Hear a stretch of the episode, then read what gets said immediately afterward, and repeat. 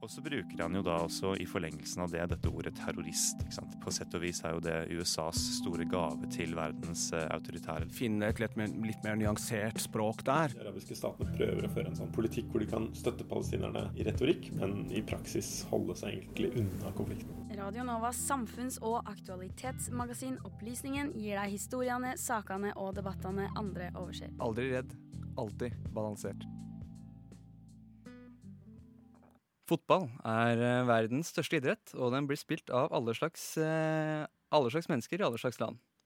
Likevel får fotballspillere på alle nivåer rasistisk hets ropt mot seg, enten av andre på banen eller fra tilskuere.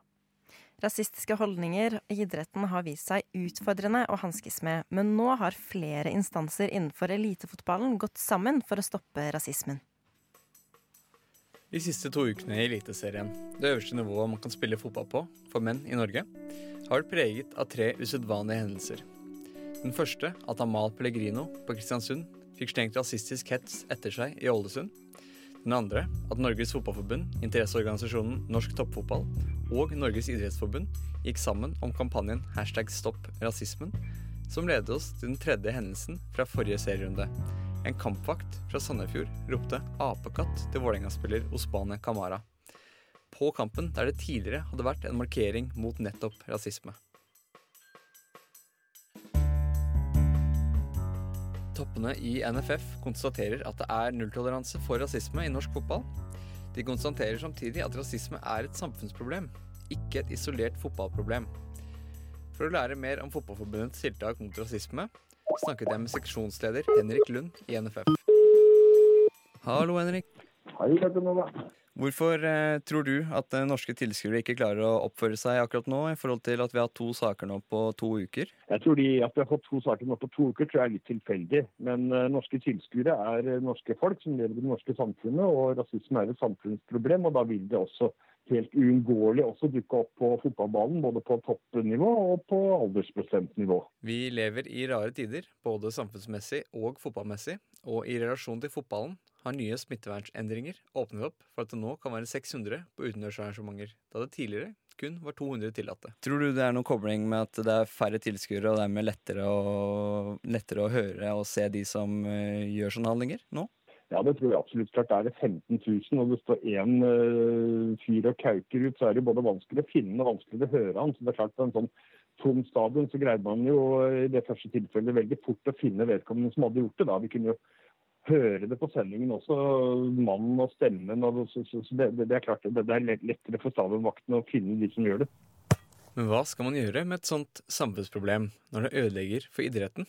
Henrik skriver en artikkel på fotball.no, Fotballforbundets hjemmeside, at NFF jobber for det positive og mot det negative i forhold til inkludering i fotballen.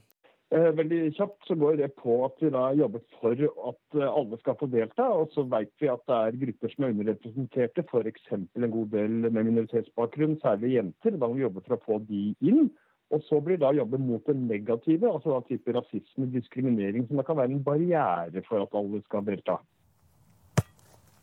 I 2019 behandlet Fotballforbundet to saker knyttet til rasisme.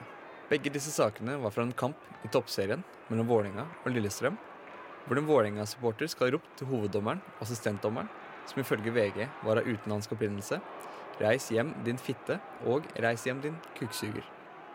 Den andre saken var en Lillestrøm-vakt som skal ha ropt 'jævla mokkamann' til en mørkhudet Vålerenga-tilskuer. Både Vålerenga og Lillestrøm ble tildelt en bot på 5000 kroner hver. Men i hvilken grad kan man egentlig klandre klubbene for at deres supportere og frivillige ikke klarer å oppføre seg?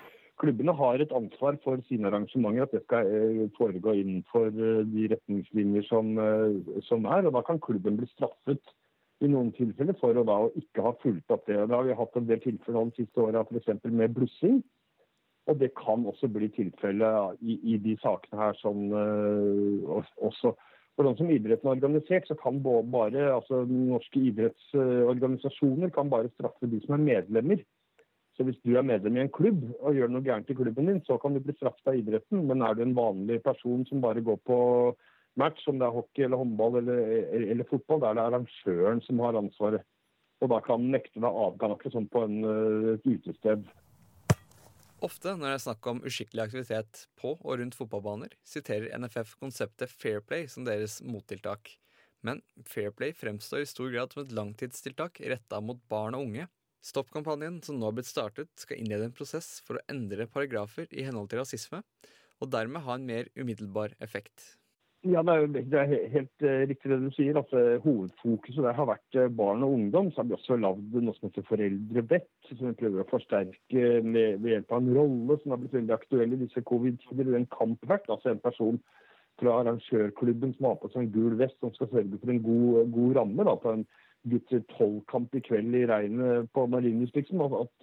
Men på, i forhold til voksne så vil nok denne her være med på å, å sette um, fokus på det. og i den grad eh, straffens allmennpreventive funksjon, som det heter, at det kan virke avskrekkende. At du, folk kan, kanskje tenker om en gang til hvis du skjønner at du kan bli utestengt fra eh, favorittlaget ditt hjemmebane på livstid.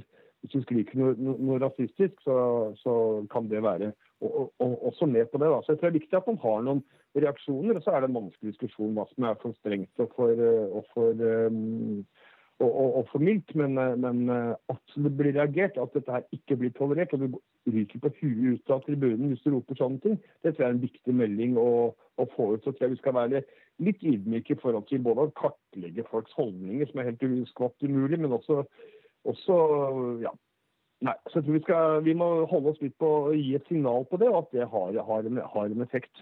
At man reagerer overfor de som gjør noe. For et år siden, da Norge spilte Nations League imot Romania, ble de i første omgang nektet å ha supportere på tribunen, som ble endret til at de kunne ha barn på tribunen akkompagnert av foresatte. Også Bulgaria fikk stadionnekt mot England i fjor. Kan dette være aktuelt, nå som det tross alt bare er 600 supportere uansett? Henrik mener man må ha supporterne med seg. Jeg burde jeg huske her jeg sitter når forrige gang vi hadde på en sånn type på, på toppnivå, men det er jo en stund siden. Derfor blir det heldigvis, kan vi kanskje si, da, større, større oppmerksomhet om det mm, når det skjer. Så, så det blir litt sånn ikke skyte spurv med kanoner, men samtidig ta det på alvor. Jeg så akkurat øh, den presentasjonen jeg holdt i dag, så det første rasistiske tilropene vi har registrert i Norge, det var i 76. Med da den første svarte spilleren i, på toppnivå i, i Norge. Så dette her er et uh, samfunnsproblem som ikke blir kvitt med det aller første. Så jeg tror vi blir antagelig aldri kvitt det. Så, så, uh, at det blir mye oppmerksomhet rundt det nå, det er bra.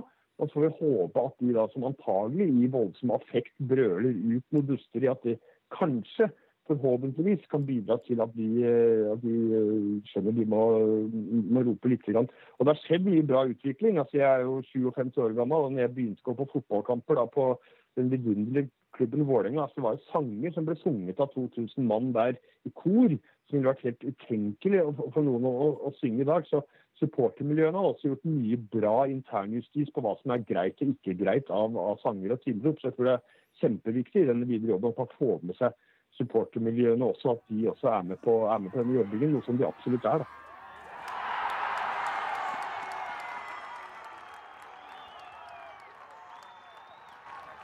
Da sier vi tusen takk til Henrik Lund i NFF. Reporter i denne saken, det var meg, Sebastian Hagel. Og da går vi videre.